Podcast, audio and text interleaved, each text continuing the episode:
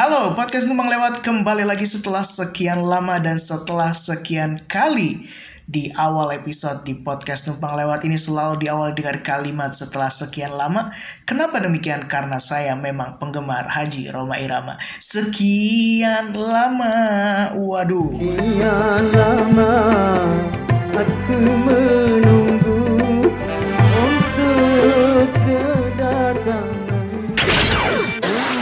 変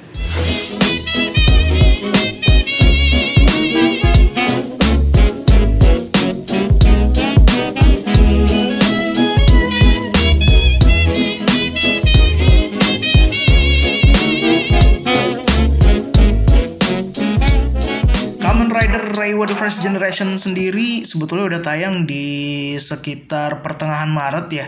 16 atau 17 Maret yang mana film ini didistribusi eh belibet. Udah lama nggak ngomong. Didistribusikan sama distributor film kesayangan kita yaitu Fit Pictures. Tapi kemarin sempat berhenti karena memang ya situasi tidak memungkinkan ya. Dan kalau misalkan lihat info 4 hari yang lalu dari akun Instagramnya Fit Pictures, eh dia bilang itu sambil nunggu Reiwa tayang lagi di bioskop saat kondisi kembali normal nanti eh, lo bisa nonton Heisei Generation Forever dan Over Quarter di iTunes. Jadi eh, mungkin ya kemungkinan ya film ini bisa tayang lagi di bioskop Indonesia. Jadi kalau misalkan lo yang mendengarkan film ini, eh mendengarkan film ini, mendengarkan podcast ini dan lo belum nonton filmnya dan lo nggak suka sama spoiler-spoiler, lebih baik lo tetap mendengarkan podcast ini dong biar podcast ini ada yang mendengarkan. Kamen Rider Reiwa The First Generation ini menceritakan apa sih? Kalau misalkan lo baca sinopsisnya di Wikipedia, dia bilang eh, kalau film ini menceritakan tentang bahwasanya ada another rider dari dunia GO yang tiba-tiba muncul di hadapan Hiden Naruto atau Kamen Rider Zero One dan pada saat another rider lahir keberadaannya ini menulis ulang sejarah rider pada zaman itu menyebabkan mereka kehilangan kekuatan dan apa tujuan dari musuh baru ini dan mengapa another rider muncul di dunia Zero One. Setelah kehilangan kemampuannya untuk berubah menjadi Zero One karena kehadiran Another Zero One, Hiden Naruto berubah menjadi Kamen Rider 001. Kenapa menjadi Kamen Rider 001? Karena kalau 008 itu Saras dong. Wow. Ya di sini ditulisannya nih Kamen Rider 001, tapi kalau nggak salah namanya itu adalah Proto Zero One ya. Heeh menggunakan Metsubo Jinrai Force Riser untuk berhadapan dengannya. Mengapa Naruto menggunakan Metsubo Jinrai Force Riser yang hanya bisa digunakan oleh teroris Horobi dan Jin? Selanjutnya, kebenaran ini, eh, selanjutnya kebenaran di balik hari ketika Zero One lahir akhirnya terungkap. Dan apa yang akan menjadi hasil dari pertarungan Naruto melawan Another Zero One? Nah, itu kalau misalkan sinopsis yang lo baca di mana namanya di Wikipedia ya. Nah, jadi memang sumber kita kalau nggak dari Wikipedia dari Kaskus. Ya, tapi kalau misalkan yang gua tangkep eh, film ini ceritanya gimana? Eh, sekali lagi nih spoiler kalau misalkan lo belum nonton dan kebetulan kemungkinan filmnya akan ada tayang lagi di Indonesia dan kalau lo nggak suka sama spoiler tetap dengerin podcast ini karena memang saya butuh pendengar ya. Jadi film ini menceritakan bagaimana bumi secara tiba-tiba dikuasai oleh Humagir, di mana-mana Humagir, di sini Humagir, di situ Humagir, dan Humagir itu sendiri ternyata membenci manusia atau mereka seolah-olah ingin apa ya menguasai dunia. Jadi seolah-olah dunia itu semuanya Humagir. Jadi manusia lo orang ke sana aja lo kita nggak butuh lo gitu. Ini adalah saatnya kebangkitan Humagir gitu. Jadi ibarat kata eh, manusia jadi musuhnya Humagir Humagir jadi musuhnya manusia. Kurang lebih seperti itu. Kalau misalkan lo nonton dari awal sampai akhir mungkin lo juga akan menangkap seperti itu. Kemudian eh, secara garis besar eh, kita akan mengetahui peristiwa 12 tahun yang lalu ya kan saat pertama kali Humagir ini diciptakan sama Hiden Koronosuke. Apa tujuannya dan kenapa dia bisa menguasai dunia gitu. Lalu kita juga akan tahu misteri-misteri ya kan apa yang terjadi ketika daybreak pada saat itu Dan tentu saja kenapa semua ini terjadi? Karena ada satu otaknya yaitu Time Jacker tadi tuh yang kerjaannya adalah merubah sejarah Kamen Rider. Kurang lebihnya secara garis besar yang gua tangkap sinopsis ataupun dari awal sampai akhir ya begitulah ceritanya. Kira-kira demikian. Dan Kamen Rider Reiwa The First Generation ini disutradarai oleh Yuya Takahashi yang juga dia menjadi sutradara di serial Kamen Rider Zero One, kemudian Kamen Rider GO, lalu juga beberapa sentai seperti Lupin Re, eh, Lupin lagi Lupan Renja versus Pato Renja, terus juga Uchu Sentai Q Ranger, Super Dobutsu Taisen, Dobutsu Sentai Zyu Ohger, Shuriken Sentai Ninja Aka Ninja versus Star Ninja 100 Nin Battle. Lah kurang lebih seperti itu. Itu adalah data yang saya temukan di Wikipedia. Kalau salah mohon dikoreksi. Kalau betul berarti saya mantap. Enggak sih, yang bikin Wikipedia yang mantap. Nah, kurang lebih itu ya hal-hal di luarnya ya, hal-hal ataupun apa sih namanya kulit-kulitnya yang sebetulnya nggak penting sih, kecuali kalau lu kepo banget gitu. Nah, seperti menikmati film pada umumnya ya kan, e, reaksi dari kita menonton film adalah paling umum itu ada yang suka, ada yang tidak suka gitu. Kalau misalkan gue lihat review-reviewnya, so far so good, bagus, banyak orang yang suka dengan film ini tapi kalau gue tuh selalu berpikir bahwasanya sesempurna-sempurnanya sesuatu, sebagus-bagusnya sesuatu tetap ada jeleknya gitu.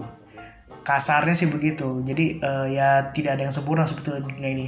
Yang bagus kan bisa ada juga jeleknya, yang jelek apalagi Enggak maksudnya yang bagus ada jeleknya, yang jelek pasti ada bagusnya. Ya semua itu kan bagaikan yin dan yang ya. Semuanya juga apa namanya punya pasangan, semua juga seimbang. Kurang lebih gitu. Dan kalau dari yang gue lihat di film Kamen Rider Reiwa The First Generation itu ada bagusnya, ada tidak bagusnya, ya kedua-duanya ada lebih ada kurang lah. Kira-kira yang enak dari mana nih? Dari bagusnya dulu apa dari jeleknya dulu nih? Yang ngalir aja lah ya pokoknya. Yang jelas gini ya. Ketika menonton Kamen Rider Reiwa The First Generation ini entah kenapa jujur kuakui pas nonton film ini tuh gue ngerasa bosen entah karena ketika gue nonton tuh gue capek gue ngantuk ataupun emang karena gue nonton juga uh, rada was was sih sebetulnya karena memang lagi ramai nih kan virus corona bosen terus ngantuk. Entah karena memang gue pada saat itu baru pulang abis kerja malam-malam gitu ya kan capek. Jadi ya ngera pas nonton itu ngerasa ngantuk aja gitu. Yang gue bingungin adalah gue bosan gue ngantuk itu karena emang gue eh dia gue capek atau iya emang filmnya yang yang ngebosenin gitu. Karena kalau menurut gue ya film yang seru itu pasti bikin kita kayak berdiri dari bangku nggak sih? Nggak berdiri juga dari bangku sih maksudnya menegakkan duduk kita gitu kayak anjir nih film seru. Tapi uh, gue nggak merasakan itu gitu loh di film ini dari awal filmnya sampai akhir. Atau bosen karena memang temanya kalau menurut sebagian orang kan uh, di film ini kan diceritain tuh Hugh McGregor itu kan mengambil alih dunia ya jadi kebalikan gitu. Uh, Hugh yang ada di dunia ini manusia itu dipinggirkan manusia disingkirkan itu seperti ceritanya di Lost Paradise-nya Kamen Rider Vice. Di movie-nya Kamen Rider para eh Kamen Rider Paradise. Kamen Rider Vice yang di mana kalau misalkan di Kamen Rider Vice itu kan Orphenok gitu yang menguasai dunia manusianya disingkir-singkirin manusianya yang dianggap sama Orphenok itu adalah teroris yang harus dibasmi sedangkan si manusianya itu kayak seolah-olah ingin mengambil alih kemerdekaan mereka gitu. Ya ceritanya kurang lebih nggak kurang lebih ya ya sama gitu konsepnya seperti itu gitu loh bedanya ya objeknya aja kalau di Vice itu kan Orphenok kalau di Ray First ini adalah Yuma Gear. Dan sama manusianya juga di situ posisinya adalah ingin mengambil alih kemerdekaan mereka gitu yang udah direnggut sama Hyuma Gear gitu. Jadi kayak mereka tuh bikin pasukan untuk memberontak yang mana pasukan ini tentu saja dong dipimpin sama Fua sama Yuayaiba. Di sini sebetulnya banyak scene actionnya yang gue bilang bagus, keren, tapi gue bosan gitu. Jadi kayak scene actionnya banyak tapi terasa monoton gitu. Kayak sebuah repetisi yang diulangi yang cuma begitu-begitu aja gitu loh. Kayak pertarungan-pertarungan ini beberapa gue lihat tuh kayak kayak nggak ada maknanya sebetulnya. Nah ini juga menjadi pertanyaan sih sebetulnya buat gue kenapa gue merasa monoton? Apakah karena kan jadi eh, ketika bertarungnya itu banyak banget si Aruto itu dia pakai Proto Zero One. Eh, beberapa kali doang dia pakai apa namanya Zero One Driver di awal dan eh, beberapa kali di terakhir. Sisanya dia sering banget pakai pakai Force Riser untuk berubah jadi Proto Zero One gitu kan. Eh, jadi ada musuh berantem lagi pakai Force Riser Proto Zero One kelar kelar tapi nggak kelar kelar amat. Berantem lagi gitu lagi gitu lagi berantem lagi gitu lagi gitu lagi. Apakah ini pengaruh dari Neo Heisei yang memang mereka banyak banget formnya gitu? Jadi kayak kita belum terbiasa lagi nonton sama Kamen Rider yang ya sebetulnya dia tuh gitu-gitu aja. Kan biasanya berantem tiba-tiba berubah form berubah form lagi berubah form lagi berubah bentuknya. Tapi ini kita disuguhin dengan ya gayanya begitu. Dia cuma berubah jadi Proto Zero One berantem nggak kelar kabur apa gimana terus berantem lagi berantem lagi. Jadi repetisi gitu mengulang. Dan gue sih secara mungkin kalau misalkan secara apa ya sinematografi atau secara koreo pertarungan sih bagus gitu. Cuma kayak mereka itu cuma menjadi berantem berantem yang tidak bermakna gitu dari tadi eh, udah dua hal ya ya kayaknya yang yang kayaknya jelek-jeleknya. Tapi bukan berarti nggak ada bagusnya. Yang gue suka sih dari sini adalah interaksi antara Izu dengan Hiden Aruto ya. Yang kalau misalkan di serial kan si Izu itu kayak dia belajar bagaimana menjadi manusia. Kenapa manusia bisa begini kenapa manusia be- bisa begitu? Tetapi eh, kalau di film ini justru kayak dia udah bisa mengerti kenapa manusia bisa seperti ini kenapa manusia bisa seperti itu dan kenapa kita harus berteman sama manusia. Dan eh, di situ di film ini kita bisa dibikin merasa lebih empati sama Izu karena gini loh karena eh, di ceritanya kan manusia jadi musuh musuh Hyumegir Hyumegir jadi musuh manusia gitu. Jadi ibarat kata manusia sama Hyumegir itu kan gak akur. Semua manusia itu kayak ingin membasmi memusnahkan seluruh manusia. Semua Hyumegir tanpa terkecuali eh tanpa terkecuali. Kecuali Izu ah itu maksudnya. Jadi semua Hyumegir pengen menghancurkan manusia akhirnya apa? Akhirnya manusia kan ngebenci dong Hyumegir tapi Izu enggak. Izu itu kayak ya kayak Naruto. Manusia sama Hyumegir bisa hidup bersama. Dan dia tinggal bersama manusia itu yang melakukan pemberontakan terhadap Hyumegir dan di situ kita dibikin merasa empati merasa kasihan karena Izu tuh di situ kayak jadi ya jadi minoritas gitulah. Kayak sebetulnya dia punya niat baik tapi niat baiknya itu tetap dianggap tidak baik sama manusia-manusia yang ada karena mereka menstereotypekan menstereotype ah, men, men, men- apa namanya? Stereotype kan bahwa Izu itu Hyumegir dan Hyumegir itu ya semuanya sama. Ingin menghancurkan manusia gitu. Jadi gitu sih. Gue sukanya gitu. Jadi kayak Izu percaya sama Aruto Aruto percaya sama Izu cuma gue merasakan momen itu kayak kurang lama gitu. Jadi berasa cepet banget eh, kita merasakan koneksi antara Izu dan Aruto Izu dengan lingkungannya yang benar-benar buat gue menguras emosi tapi cepet gitu aja. Karena ternyata fokusnya lebih kepada Aruto yang mencari tahu apa yang sebetulnya yang terjadi di masa lalu dan siapa yang ngasih dia Force Riser kenapa dia bisa berubah jadi Zero One dan kenapa Hyumegir ngamuk dan apa yang sebetulnya terjadi sama ayahnya yang seorang Hyumegir gitu loh. Eh, sayang aja sih.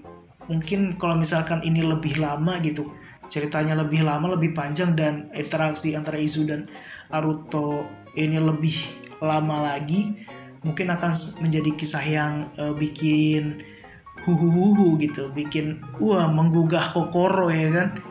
Tapi bagus sih cuma ya gue ngerasa ini kurang lama aja selain daripada itu yang keren adalah lo akan melihat gimana chemistry antara Fuaisamu dengan Yua Yaiba yang menurut gue keren banget sih Kamen Rider Vulcan, Kamen Rider Valkyrie secara desain kan sebetulnya mereka itu eh, apa ya sama ya hampir sama sama-sama model dari hewan berkaki empat.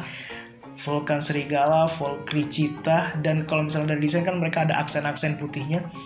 Dan menurut gue mereka saling melengkapi antara Fua dengan Yaiba. Pokoknya kayak mereka kan yang memimpin manusia untuk meraih kemerdekaannya kembali dari Humagir dan wah gua rasa sih mereka berdua cocok banget. Pokoknya keren.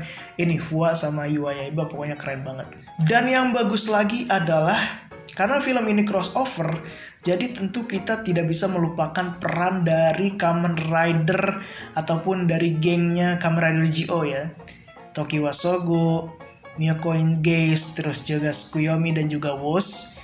Dan di sini yang menurut gue keren adalah bentuk kedewasaan Toki Wasogo ya di mana gue ngeliat menjadi sosok senpai yang sangat-sangat mengayomi juniornya yang bener-bener ngebimbing sih enggak tapi secara tidak langsung ya membimbing. Jadi kayak ah nih bocah nih gue liatin nih maunya apa gitu. Ya terserah lu udah maunya apa tapi sedikit-sedikit ngasih masukan sedikit-sedikit ngasih insight dan menurut gue sih itu keren banget itu ini adalah Hal yang sama yang terjadi di film sebelumnya yaitu film Heisei Generation Forever di mana kalau sebelumnya kan ada si Sento yang menjadi pengayom bagi Toki Wasogo tetapi sekarang Toki Wasogo mungkin seiring berjalannya waktu, seiring berjalannya usia, semakin dewasanya dia, akhirnya dia bisa mengerti arti kehidupan ini dan mengamalkan segala apa yang ia dapat dan juga meneruskannya kepada juniornya yaitu Hiden Naruto. Jadi ya pokoknya Tokyo Soku menjadi senpai yang baik lah yang mengayomi Hiden Naruto. Gitulah kurang lebih. Tetap kan ada bagus ada nggak bagusnya. Ada suka ada tidak suka itu wajar gitu. Ngomong-ngomong soal film ini sebetulnya gue merasa apa ya uh, jauh di bawah dari ekspektasi gue sebetulnya. Karena ekspektasi dan harapan gue tuh kan gue mikirnya ini Kamen Rider Rewa the first generation generasi pertama di era Rewa jadi dalam otak gue Highland gue dalam pikiran gue tuh ini adalah harus ada konflik yang sangat-sangat epic antara Kamen Rider yang pertama di era Reiwa, Kamen Rider Zero One, dengan Kamen Rider sebelumnya, Kamen Rider penutup di era Heisei, Kamen Rider G.O. Wagama, O Sasuga, Sayakute, apalah itu. Jadi kayak harus ada sesuatu yang sangat epic gitu kan, di mana mungkin si Gio punya masalah dengan Zero One kayak ini lo arak baru siapa nih? Gitu. Gue raja nih lo nggak bisa ngambil tahta gue tapi si Zero One bilang ya ini adalah era gue era yang baru lo jangan ikut campur. Dan ternyata semua itu yang mainin adalah ya musuhnya gitu. Tapi sebelum menciptakan apa ya pertarungan yang sangat epic gitu sampai akhirnya dar dar, dar mungkin Zero One bertarung dengan Gio sampai akhirnya sadar wow, kita dikerjain ya sama musuhnya. Itu uh, pikiran gue gitu ya pikiran gue ternyata dibikin kayak gini jadi kayak malah temenan dua-duanya kan malah temenan. Cuma di scene mau akhir-akhir itu kan uh, pokoknya semua kan ini kan otaknya tuh kan otaknya ini ya time jacker ya time jacker yang merubah sejarah gitu. Cuma saya ngerubah sejarah itu tidak menimbulkan konflik antara Kamen Rider Rewa dengan Kamen Rider Heisei. Kalau misalkan antara Kamen Rider Rewa dengan Kamen Rider Heisei sih menurut gue sih dari awal gitu akan mungkin akan beda ceritanya gitu. Tapi ini adalah konfliknya tentang si original story-nya Kamen Rider Zero One sendiri. Itu lumayan bagus sih, tapi kalau misalkan kayak gini kenapa nggak di filmnya Zero One aja mungkin ya nggak usah crossover gitu cuma ya itu di scene-scene mau terakhir baru gue tuh kayak terperangah gitu. Wah wah wah. Ini ini yang gue tungguin dari tadi gitu. Akhirnya pokoknya ada satu momen di mana itulah ekspektasi gue gitu. Tiba-tiba uh, Gio ngajak berantem Zero One terus benar udah.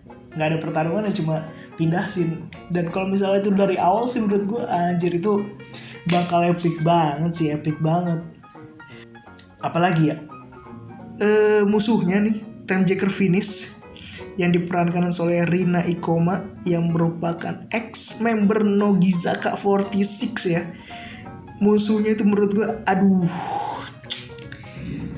Ih, cakep sih cakep bro. Tapi ya tuh begitu doang gitu. Kayak nggak ada nggak ada maknanya dia muncul di situ gitu. Kayak ya lu otaknya tapi menurut gue sih kurang jahat kurang galak kurang licik kurang picik cuma iya mohon maaf nih anda cuma cakep doang gitu. Jadi adanya dia itu karena cuma fan service atau apa gitu.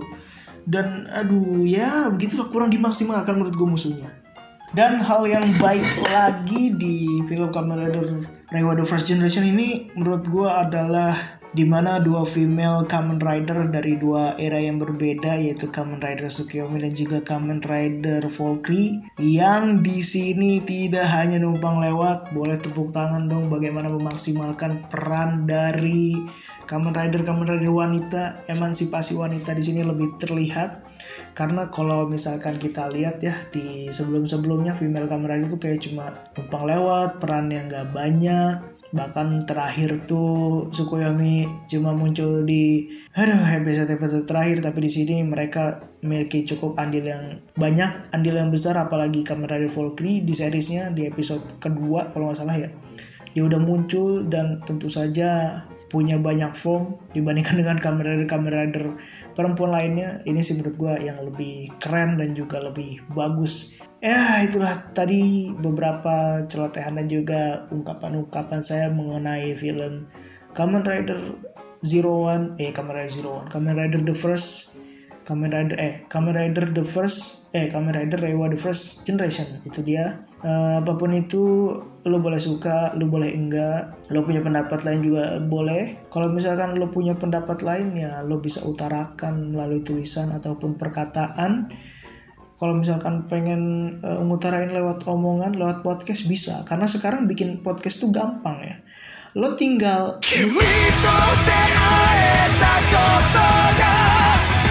が生きて